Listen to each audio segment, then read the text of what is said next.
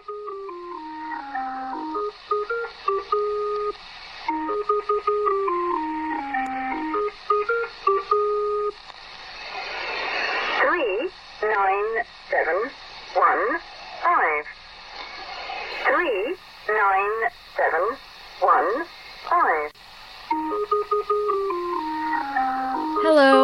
welcome back to another episode of Bigfoot for Breakfast, home of the mysterious and the macabre, where we sit in the studio week after week, challenging conventional thought. We are your hosts, Sarah Jones. and Samantha Carter. Thank you for joining us. We're really pleased that you've come. Have a seat. As per usual, please don't forget to go into whatever podcast app that you listen from and press the subscribe button so you can be updated every week when we post a new episode. And if you get a little bit of time and you feel so compelled, please help us out by leaving a rating and a review for us on that podcast app as well. This really helps out the show and it helps us out to know what you think because for real, we want to know what you think. We are also always, always open to any suggestions about the show, or if you have an idea for a topic that we should cover, or if you just want to tell us a weird story. There are various ways you can contact us. You can always shoot us an email at bigfootforbreakfast at outlook.com, send us a message on Facebook or Twitter, or you can actually call us and leave a message. It is, in fact, a message number only, so for all you introverts out there who don't want to speak to a real person, have no fear. You can reach this voicemail box at 641 812 2635 and we'll play your message on the air. So we encourage you to do this because it is very pleasing to us. Call us and let's get weird. Very soon, we will be announcing our March contest in which you will be able to enter to win a free something. Something, likely a Bigfoot for Breakfast t-shirt or a tumbler. We're open to suggestions as far as other things that we should make, so if you have any of those suggestions, let us know. T-shirts and tumblers have been kind of the most popular suggestions thus far, so we have pretty much kind of just stuck with that. Either way, we give away free things every month, so keep an eye out on Facebook for that announcement, as well as Instagram, Twitter, and TikTok. If you haven't become friends with us on any of those social media platforms yet, please do because that's typically how we make the contest announcements. They're pretty easy to win, plus, who doesn't like free stuff? We also want to take a few minutes to let you in on some recommendations that we have for some other shows. We know a few that may pique your interest. The Question Everything guys, Semperfi Rob, Sean, and the Mick host a show where they pick a different topic every week that usually seems to coincide with issues that we seem to be facing at the time as American people, and they discuss it. They usually do a Facebook Live every Saturday, and then they'll post the edited version to the podcast platforms a few days later. They also take call-ins from guests who have anything to say regarding the topic that week. So if you can relate in some way or have an opinion, get on their Facebook Live and give them a call and chat them up for a while.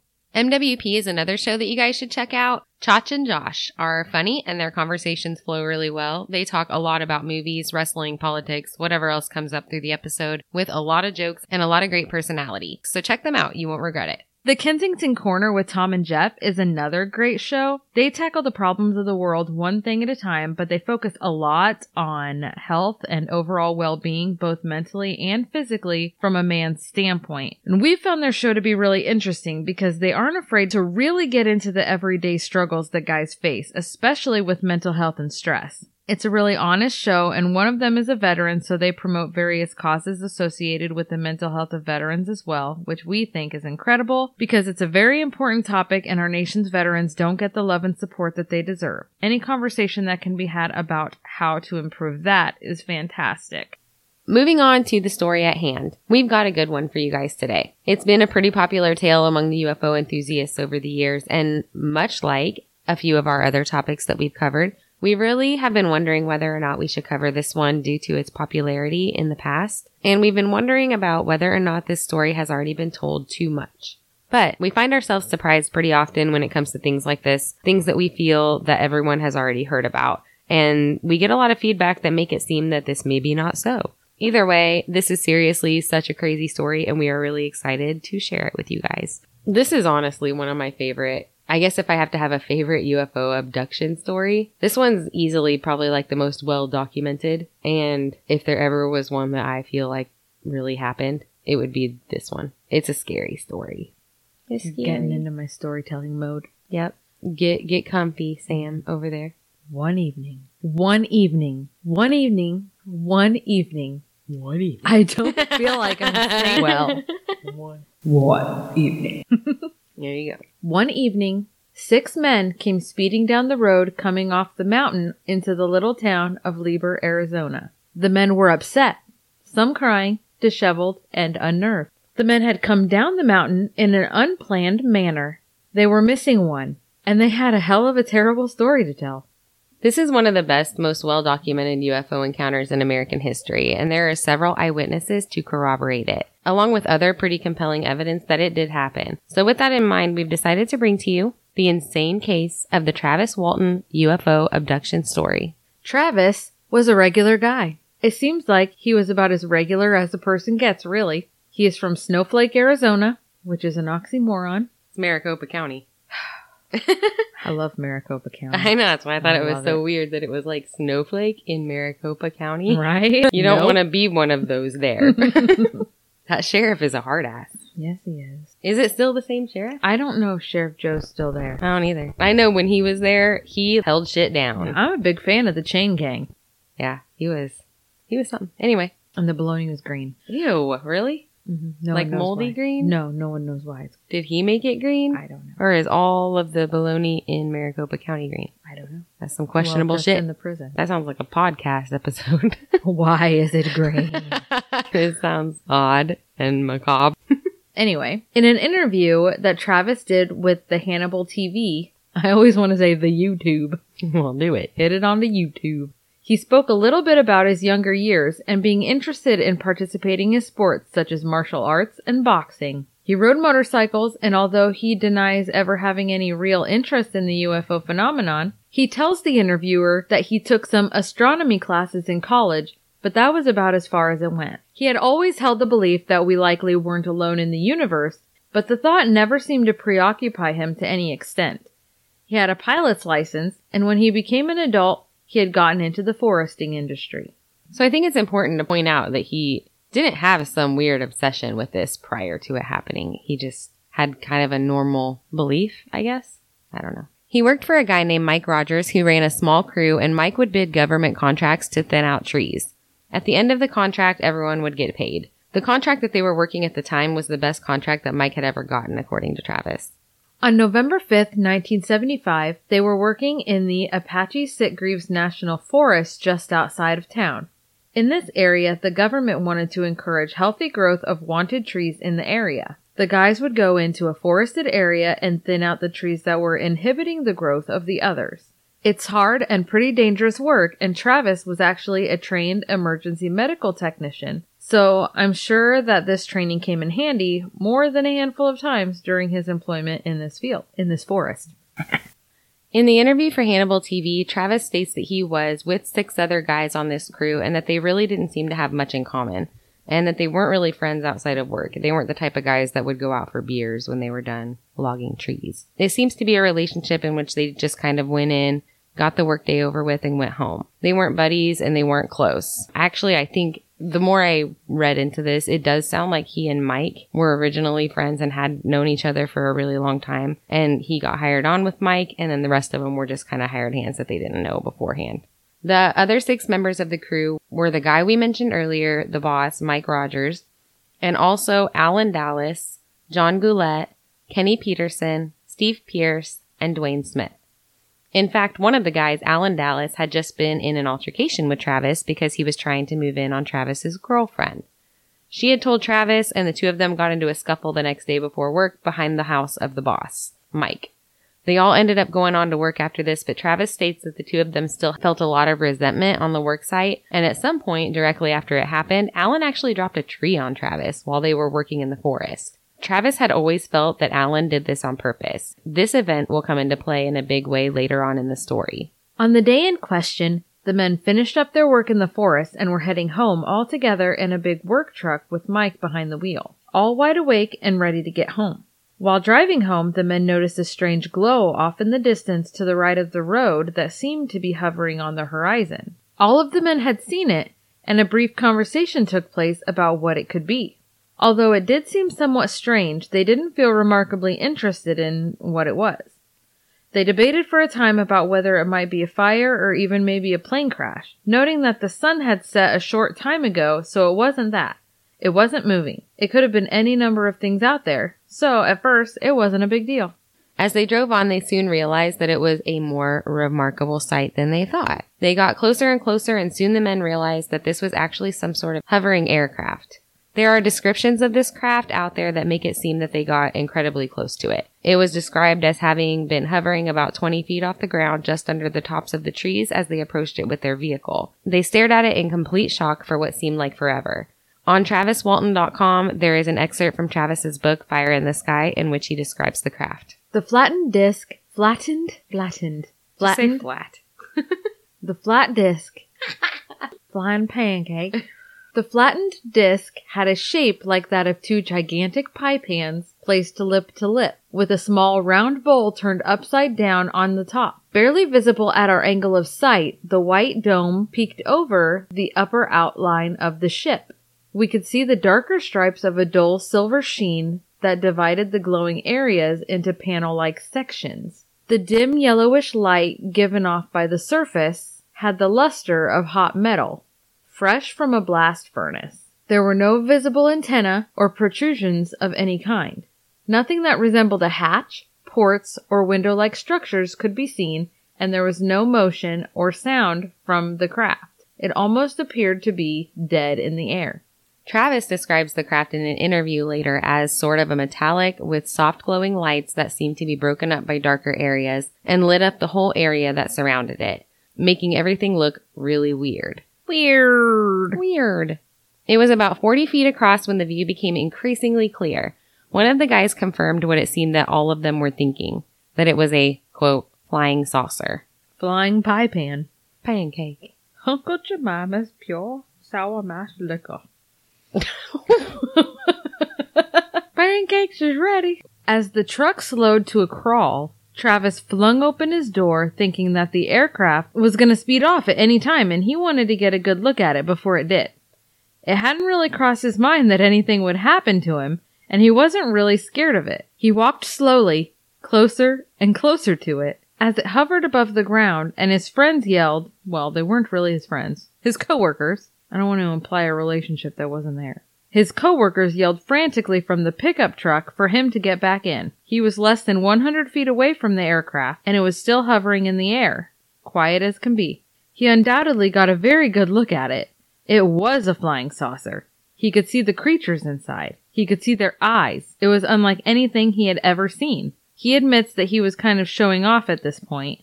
They were yelling and scared, and he thought it would make him look really cool and brave to walk right up to it. There's a lot of people that criticize Travis Walton for walking up to a UFO. um, How, for- how do you not? Like in the Midwest, how when there's a tornado warning, there's hardly anyone that doesn't go outside on their front porch. You know, they t- say, take shelter in your basement. Where are you? Front porch. Yep, the kids are in the basement. You're running to the front porch. I remember the last time And an American flag.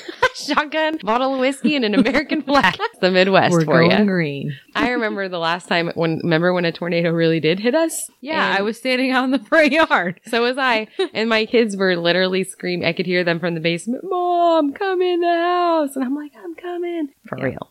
Well, legit. Anyway, anywho, bottle of whiskey and the American flag. you like that? yeah, it was good. the more the men hollered, though, the more alarmed they sounded.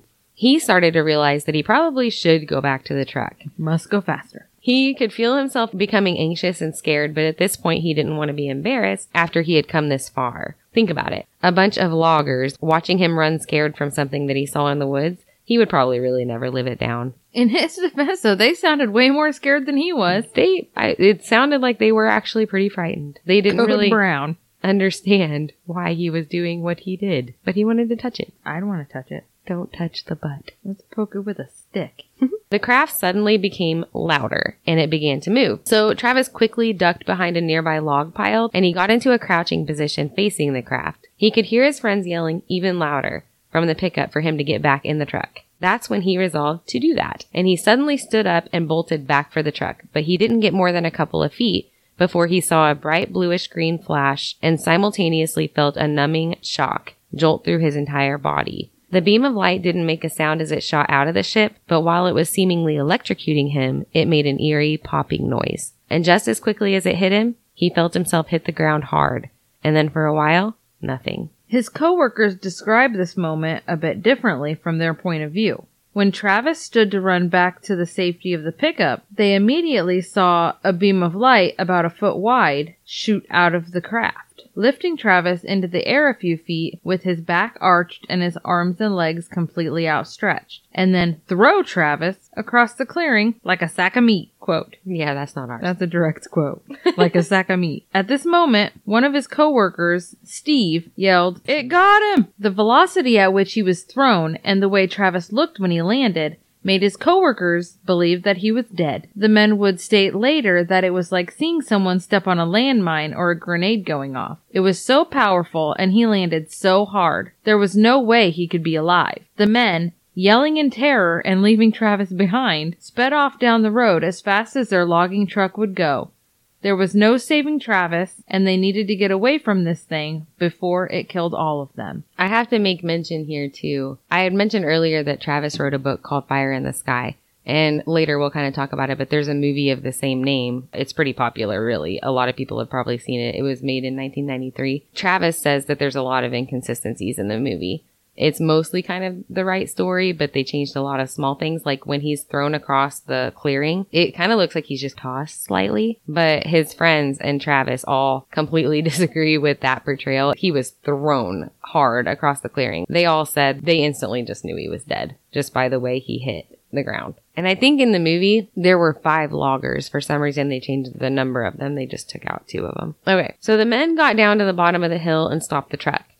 Part of them wanted to go back and get Travis, feeling like they shouldn't leave him up there like that, Mike included. The other part of the group didn't think they should go back up there alone and that they should go for help first. Mike told the guys that he was going back up the mountain to get Travis. If anyone didn't want to go with him, they could wait at the bottom of the hill on the road and he would pick them up on the way back to town. But all of them were already feeling a little embarrassed about getting so scared and leaving Travis behind in the first place, and none of the guys really wanted to stand around in the middle of nowhere by themselves, so they all stayed in the truck and went back up the mountain together. As they were driving back up, they saw the aircraft leaving the area, off into the night sky. They all fully anticipated that Travis would be there, and the men were scared to death of what they were going to find when they got back to that spot and what kind of state in which they would find Travis. They anticipated that he would be dead. There was no doubt. By the way he was thrown around, there was no way he would be okay. They expected Travis to be a mangled mess, and none of them were ready to see something like that. But either way, they couldn't leave him behind. I also want to apologize for my raspiness in my voice because I have a cold again. Coronavirus. It's not. I don't think. I don't know. Let's join the hysteria. I don't have any masks. I don't want to be here. You don't? Well, I don't want coronavirus. Oh, well. Please wash your hands. You should be already doing this. It's not new. We were talking about that on the news the other day. They were giving all the ways you can avoid the coronavirus. And I was like, these are common sense every day. Wash your hands anyway. All the time. Wash them. Don't be an asshole. Walmart's been providing wipes for their shopping cart handles for years. They have. Use them. Stop buying all the toilet paper. Save some for the rest of us. Are they? Oh my gosh, yes, selling out. And I was reading where hand sanitizer was selling on eBay for like $500 a bottle. Why are people buying so much toilet paper? It, no, they're anticipating quarantine. So everybody's just buying all the toilet paper. I accidentally subscribed and saved to like way too much toilet paper on Amazon for about a year and I kept forgetting to cancel it. So my bathroom closet, it looks like a grocery store inventory amount of toilet paper. So I'm good. First rule of stockpiling is you never let people know what you have. Well, I they only know about toilet. paper. Do you want to die for your toilet paper? Because literally, people will kill you to steal your stuff. If you come to my house during a martial law situation in the world, You're gonna die. you just ask me for toilet paper. You don't have to. I'll throw it at you from the porch. I'll give you some. We can share. You don't need it. You don't need to do all that. It doesn't have to get that western. Please, sir, I want some more. I'll, I'll toilet paper you. Here's the thing. When they got back, they pulled into the site slowly, shining their headlights over the area. They looked over it carefully, calling out his name, hearing only silence. Mike was becoming emotional and overwhelmed with fear and guilt at having left and then lost his friend. He was supposed to be running the show in this crew and felt responsible for them. They didn't see what state Travis was in because they were unreco- unrecovering successful his body. They didn't see what state Travis was in and they were unsuccessful in recovering his body because he wasn't there. Travis was gone. He just disappeared. The guys decided that they would be of better use heading down the mountain and trying to get help in town. They unanimously resolved to get the cops and tell them what had happened that night. As unbelievable as it sounded, they had to tell them. As for Travis, his first memories after feeling the initial jolt, as he called it, were those of a bright light in his eyes and lots and lots of burning pain. Not only that, but he just felt that there was something terribly wrong inside of him. He felt thirsty and kept tasting metal in his mouth. He remembers thinking that maybe he had been injured on the job site and that the crew had taken him to the hospital, but he couldn't see anything except for the blurry faint glow of a light directly above him. He could only hear people moving about around him and he took this movement to be that of hospital staff. He felt incredibly weak and felt like he was unable to move. As if he tried to exert any energy, he would just lapse right back into his previously unconscious state. He got his eyes open, and as they began to focus, he saw the movement he was hearing was not the sound of doctors and nurses at work, as he originally suspected, but it was something, or some things, creatures of some sort. Travis goes on to describe them as hairless and short, delicate looking with big eyes. Their noses were small with tiny oval nostrils and they were thin lipped with narrow mouths that he never saw open. Their skin was sort of a grayish white with the texture of a marshmallow. They were wearing what appeared to be loose fitting brown orange colored suede coveralls. Their faces looked almost like that of infants, underdeveloped in a way. Travis was hysterical. He had no idea what had happened and he didn't know where he was. He had never seen creatures like this or a place like this. He noticed a table beside him and he grabbed a tool off of it, taking a swing at the creatures. The creatures were too far away from him and he didn't make contact. They didn't really seem to react to his aggression and fear. They just sort of stood there looking at him with intense curiosity. His general weakness prevented him from getting up off the table to continue his fight. The whole time, he states that the creatures never made a sound at all. They were completely silent and didn't seem to be communicating even with each other. Even though Travis was weak, he remembers that the room was very small and triangular. There was a door on the other side of the beings that he wanted desperately to go to. He was lying on a table in the middle of the room that was held up by a single leg. He felt he couldn't breathe. He couldn't get any air. The air was heavy and humid. The room was smooth as if it was all made out of the same material. The floor, the walls, the table, everything. Suddenly the creatures scurried out of the room, turning a corner to the right. Shaking uncontrollably, Travis found the strength to get up off the table and ran out of the room as well, through the same door, except while the creatures ran to the right, he was running to the left. He ran around trying to find a way out of the craft, thinking that he could get out of a door and back into the woods. As he ran down the hall, he noticed that there was a room off to the right, so he went in thinking that there might be an exit off the ship somewhere in there. Instead, he found a round room with a chair in the center. He describes something odd that happened in this room. As he would step closer to the chair, the room's light would dim and become darker. He would step back away from the chair and the light in the room would become brighter. I'm not sure what that means really. It's just a strange detail that he mentions. He found buttons on the arm of the chair and he found himself desperately pushing them, trying to open the doors. This was unsuccessful. Nothing happened when he pushed them physically, but there was a screen in front of him with lines on it, and every time he pushed a button, the lines would move around. Travis got up out of the chair and started studying the room, trying to find a solution to this problem, trying to find a way out. Suddenly, a man walked in, and to his surprise, it was a human man, about six feet tall, 200 pounds, and muscular. Travis was extremely relieved, thinking that someone was there who could rescue him. The man was wearing blue coveralls and had longer hair. Of course, at this point, Travis ran straight up to him with the long list of desperate questions. But the man said nothing. He indicated for Travis to follow him, and Travis was so relieved to see another human that he went right along with him. They went through a door, and suddenly Travis could find his breath as they entered another room. A much, much bigger room. The air was better, cleaner, less thin, and Travis finally felt like he could breathe. The man seemed to be in a hurry. Travis followed, keeping up with the man through his extreme weakness. Later, when Travis describes this man, it kind of makes me think of the, is it the Nordics? they call them, the aliens, where they're tall and blonde hair, blue eyes. Mm-hmm. That's what he describes them. I never describe him or talk about this later on in it, but that's what he makes me think of. Travis was questioning the man the whole time that he followed him, but the man didn't answer. He noticed that this man was wearing some kind of clear helmet that appeared to be frosted on the backside. He remembered that the creatures he saw weren't wearing these. Due to this helmet, Travis kind of figured that the man just couldn't hear his questions. Soon, they came to a room with three other people who also appeared to be human. They all had sandy blonde hair and looked incredibly similar. They weren't wearing helmets, so Travis repeated his questions to them. They didn't answer either. At this point, Travis became upset and combative, and he was forced down onto another table, and some kind of drug was administered to him through a mask with a black golf ball sized sphere attached to it. He felt relaxed. He got the impression that they were getting impatient with him. His mind was racing. He found himself wondering if these creatures that took him had created these human looking beings in order to make abducted humans feel more relaxed. He wondered if he had been tricked.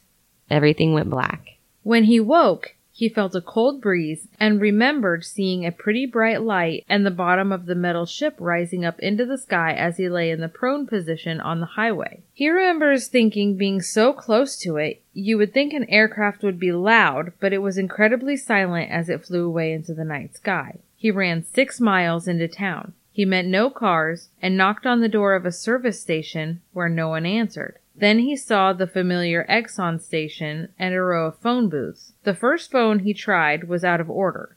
He moved to the next and heard the familiar and comforting dial tone. He called the operator to dial his sister, and she heard such a panic in his voice that she actually stayed on the line during his conversation with his brother in law, who had actually answered the call. Now, to be clear with that, it wasn't his The operator stayed on the line. Yeah, the to listen. operator, not the sister. Okay, so Travis's brother-in-law actually thought it was a joke at first, telling Travis, I think you have the wrong number, kind of laughing. While Travis yelled frantically, they brought me back. It's me. Come pick me up. The brother-in-law eventually realized that this was not a joke and told Travis not to move and he would be right there. The operator was still on the line and hearing all of this conversation. She proceeded to call the sheriff's office directly. This would work in favor of Travis later on.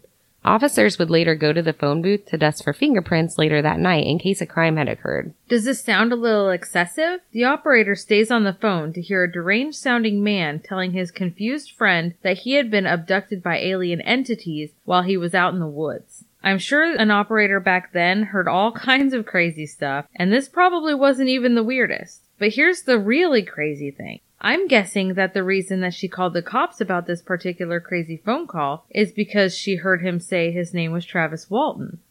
And by now, word had spread throughout the small town about what had happened to him that night at the woods because remember, there were six other guys out there with him who saw the whole thing. Pretty soon, Travis was in the truck driving home with his brother and his brother-in-law talking about what he thought were events of the same night. Pretty soon, his brother interrupted him and says, Travis, reach up and feel your face. Travis did. As he ran his hand over the bottom of his face, he realized that in place of his previously clean shaven face that he'd remembered, there was now a bit of a beard. Here's the real kicker. What had seemed like a few hours on that ship to Travis had actually turned out to be five days. Travis had been gone for five days. This had a lot to do with why Travis's brother decided to take him home right away instead of immediately calling the sheriff to let him know that Travis had been found. This was going to be a frenzy of media cops, detectives, UFO people, and so on. He thought that it would be easier to fend people off from home and protect Travis while trying to figure out what happened to him. Plus, he also mentions later that Travis was kind of in no state of mind for that. He wanted to allow him to kind of collect himself. Travis's brother had gotten a few warnings from people about what might happen if Travis came back from this event. And these warnings were scary. Some UFO ground watch people came to warn him and also a nurse that stated that an elderly couple had come into the hospital in which she worked stating that they had been abducted by a UFO. The next day when she came back to work, no one would talk about it. The couple's records were gone and people were basically trying to act like the couple had never come in at all. She told Travis's brother to be careful who gets a hold of him.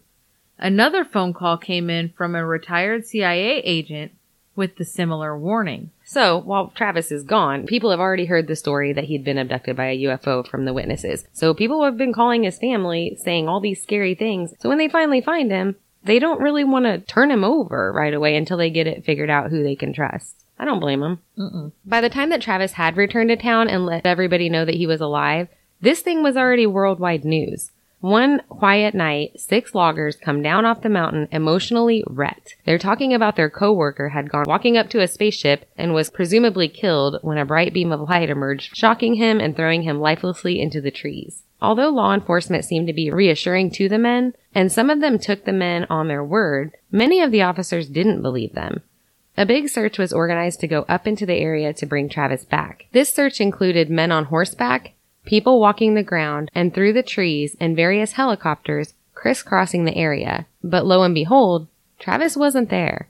The six witnesses hadn't seen Travis go into the ship, so they were baffled too. He should have still been there. Now, one man telling some crazy and unbelievable story about how his friend was killed in the woods is one thing. But six men, all insisting on the same exact crazy and unbelievable scenario in which a man was killed by a UFO light beam. That sounds like a collaboration. Police were very suspicious of this and they didn't really believe that this is what happened at all.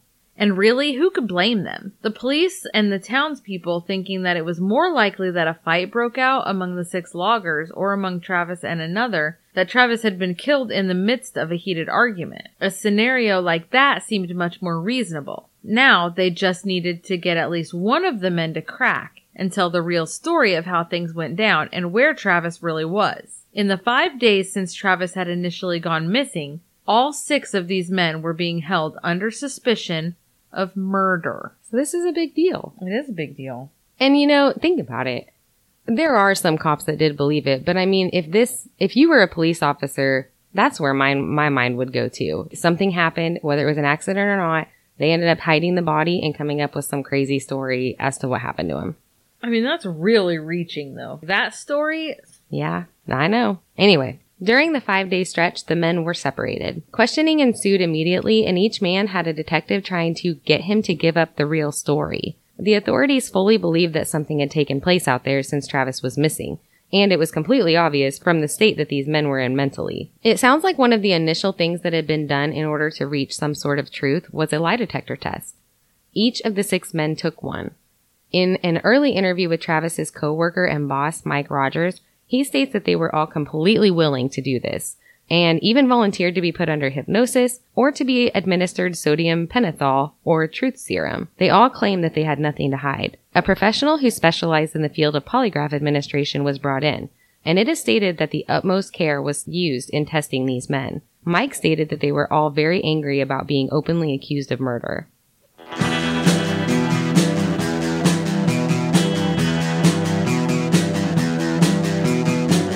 You're listening to the Prescribed Films Podcast Network, home to hundreds of hours of free podcast entertainment. The shows on this network all have a common goal providing you with the best discussions about movies and other forms of entertainment media. The PFPN hopes to fill your earholes with audio joy. Visit our website with links to all the other amazing shows at www.thepfpn.com. Thanks for listening.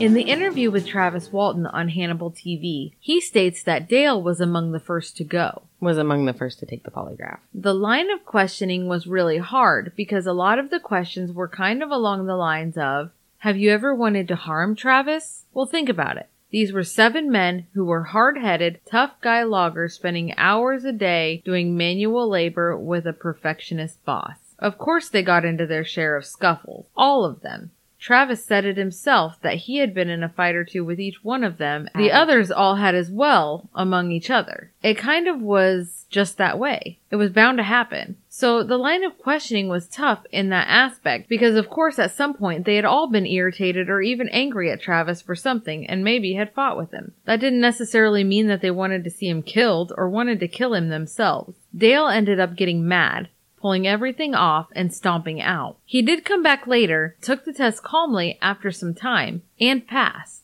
There was no question that he believed everything he said about what took place that night. All of the other men had passed the lie detector tests as well, making believers out of both the administrator and the sheriff. So on top of that, because even after the lie detectors, there's still a huge amount of skeptics. But what are the odds that all six men would take lie detector tests and pass them? And when it was so spontaneous, you know, it's not like they had time to prepare for a polygraph. Exactly. So we kind of talk about that later. And But- unlike a lot of these other stories like this, none of them were trained operatives. So regarding that, the president of the American Polygraph Administration, Edward Gelb, was interviewed in 1975 to obtain an expert opinion on how likely it would be that these guys could have all passed these tests and actually have made up the whole thing. He states the following. Hundreds of police departments and corporations throughout the world utilize the polygraph to separate truth from deception. The 94% accuracy of the polygraph has been well documented, not only in real life situations as we've discussed here, but in laboratory and university studies that have been conducted throughout the world. The odds against six people successfully deceiving a trained polygraph examiner on a single issue are over a million to one. Travis had a couple of brothers, one of which did not believe what the crew was saying.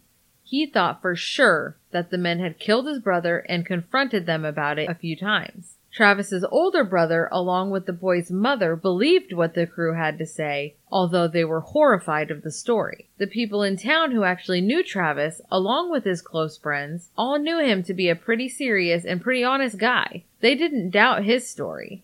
The sheriff didn't let on that he believed the crew, but secretly thought that they may be telling the truth. As an elected official, he had to keep himself out of the weird spotlight. But these officers had already had a few sightings themselves and had been investigating a few cattle mutilations around the area. So this story seemed a little outrageous to them, but not completely unbelievable. Over the years, obviously, there's been a ton of skepticism over this event. There's been a pretty good amount of people who believe that since Mike and the crew had been behind on the logging contract, meaning that they weren't as far along as they should have been for the span of time that they had to finish it, the crew made the whole thing up to make it easier for Mike to default without big repercussions. But according to Travis, it wasn't really that hard to get out of logging contracts. All you really have to do is go in and tell them that they weren't going to be able to do it, and they would simply find another crew. Another theory is that Travis and the crew had been drunk or on some sort of drug that caused them to hallucinate the entire thing. Luckily, the police had the forethought to put Travis through all of this testing very soon after he'd been found. He tested negative for any substances. I guess I don't even really see this being a plausible theory because even if the men had all been drunk or on drugs, I would highly, highly doubt that all seven men hallucinated the exact same thing and then went home and were all willing to keep telling the exact same story without at least one of them admitting to it and saying, yeah, hey, you're right.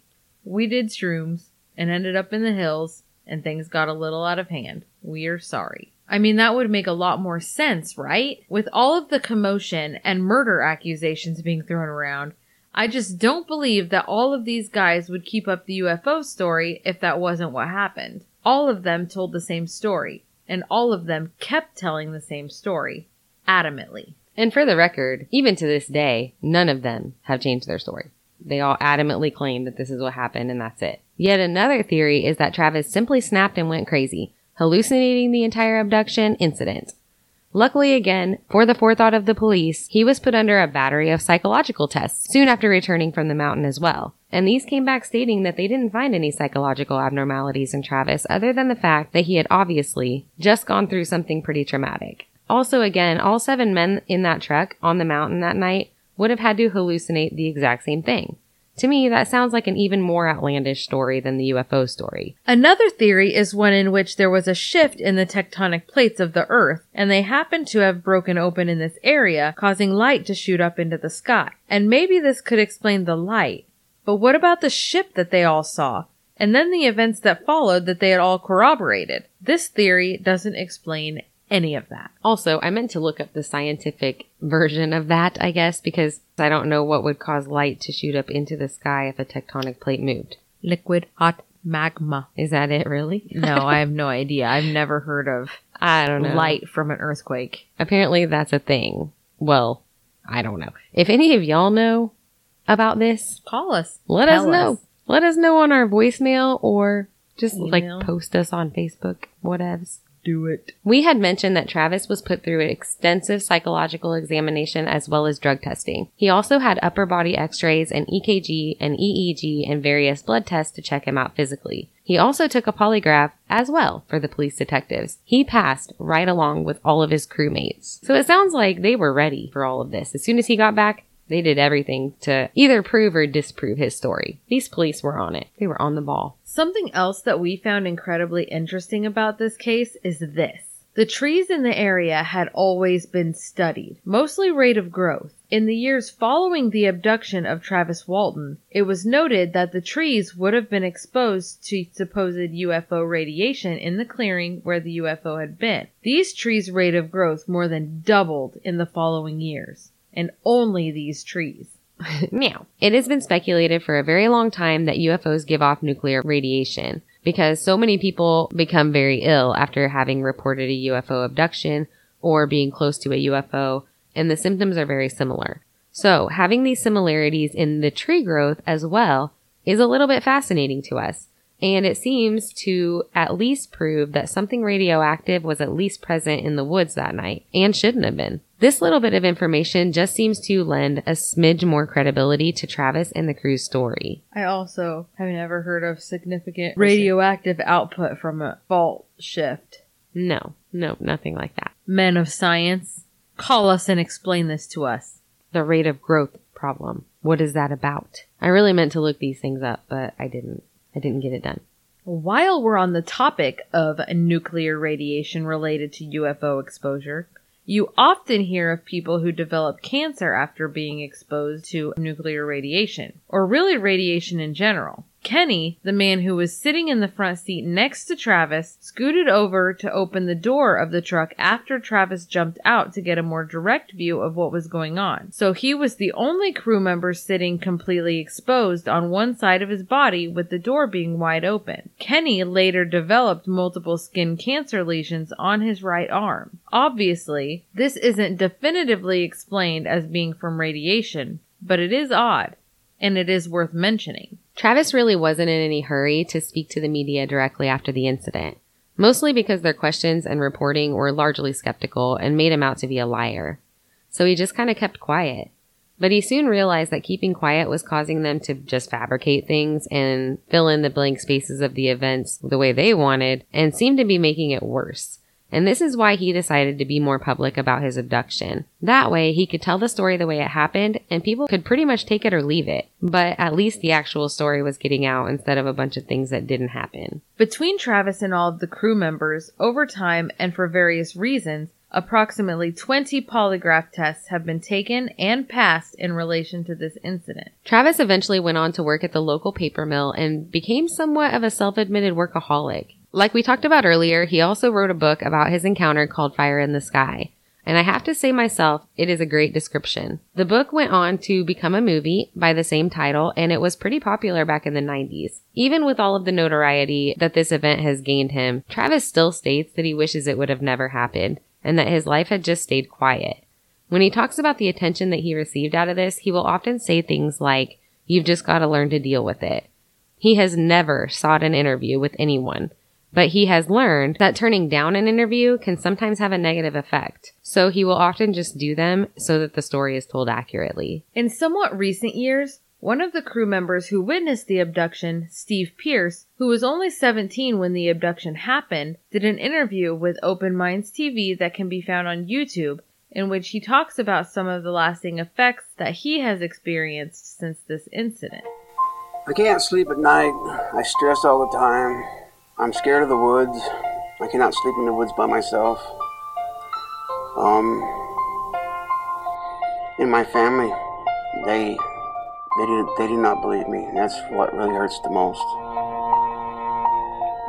My ex-wife used to tell me not to tell nobody because they thought I was nuts.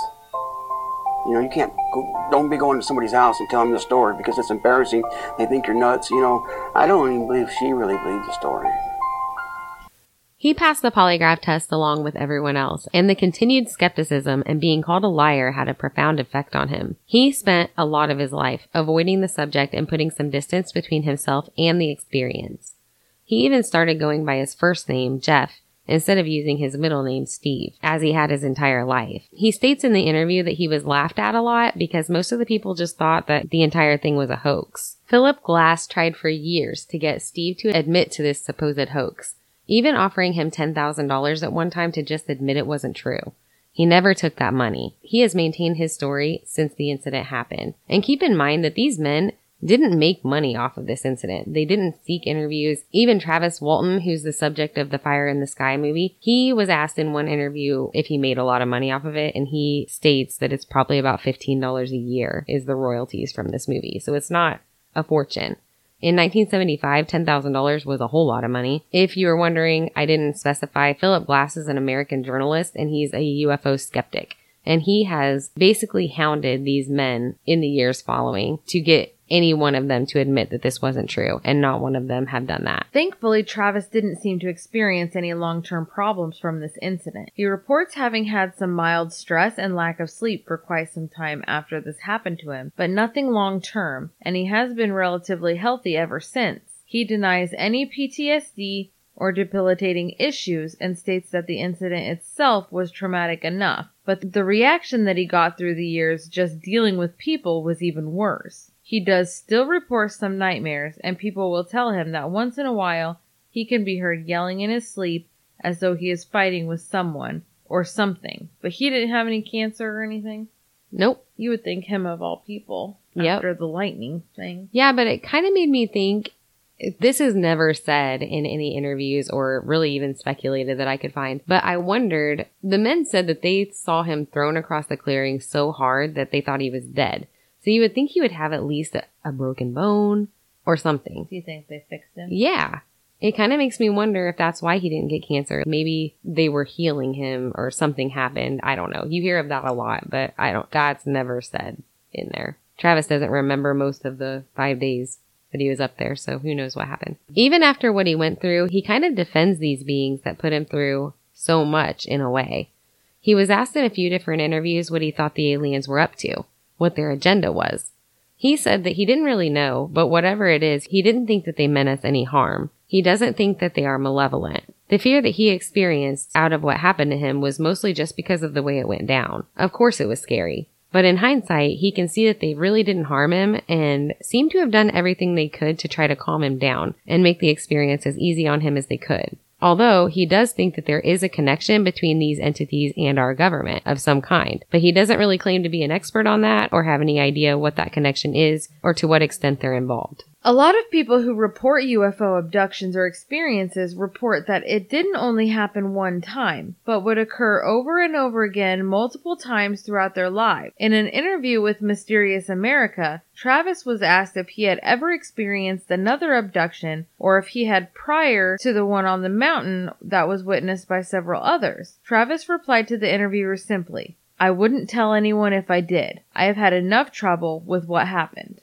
By trouble, we're assuming that Travis meant the years and years of harassment that it seems that all of these men have gone through in the years since the incident. The men report that they get periodic visits and phone calls from people who claim to be members of the FBI, in which they're threatened and asked to redact their stories and claim them as a hoax. That is part of the reason why Travis thinks that there is some level of involvement between the aliens and the US government. He did undergo hypnosis sometime after the abduction occurred. He hadn't done so sooner because he felt like he could remember most of what happened. It really wasn't a situation in which there were a lot of blank spots, he thought. But then again, he was gone for five days, while he hadn't felt like it had been all that long.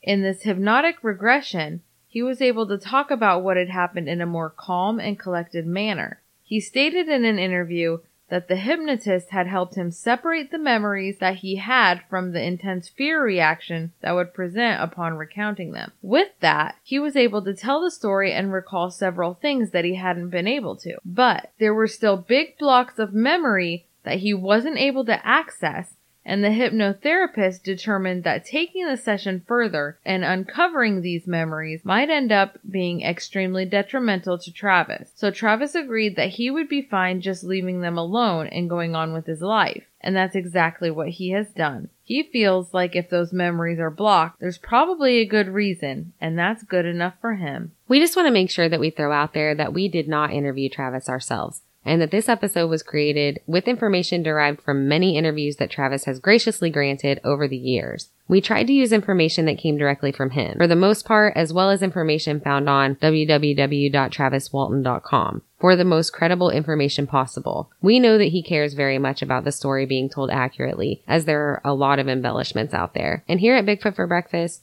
we have done our best to do so. We respect this very much and hope that we did this interesting story justice, We are definitely not interested in embellishing or making up sen- details. yeah, sensationalizing. We really things. don't need to in No. this story. The story in its own is pretty freaking sensational. it is insane. well, Welp. Oh, Thank you for listening this week to our show, and we really hope that you'll be back next week for another weird and creepy story. We appreciate every single one of you and all of your encouraging feedback. We love doing this show and love you guys. If you haven't done so, please don't forget to subscribe to our show on whichever podcast app that you listen to. If you get a few minutes, please rate and review us on these apps as well because this really, really helps out our show. And like we said before, we appreciate any feedback that we receive tremendously. If you want to leave us a voicemail, you can do so at 641 812 2635. You can email us at bigfootforbreakfast at outlook.com or you can contact us via Facebook. Add us on Facebook, Twitter, Instagram, and TikTok for other information and content. Again, don't forget to come back next week. We have a pretty crazy story gracing the lineup. bye. Bye! Come at me, bro.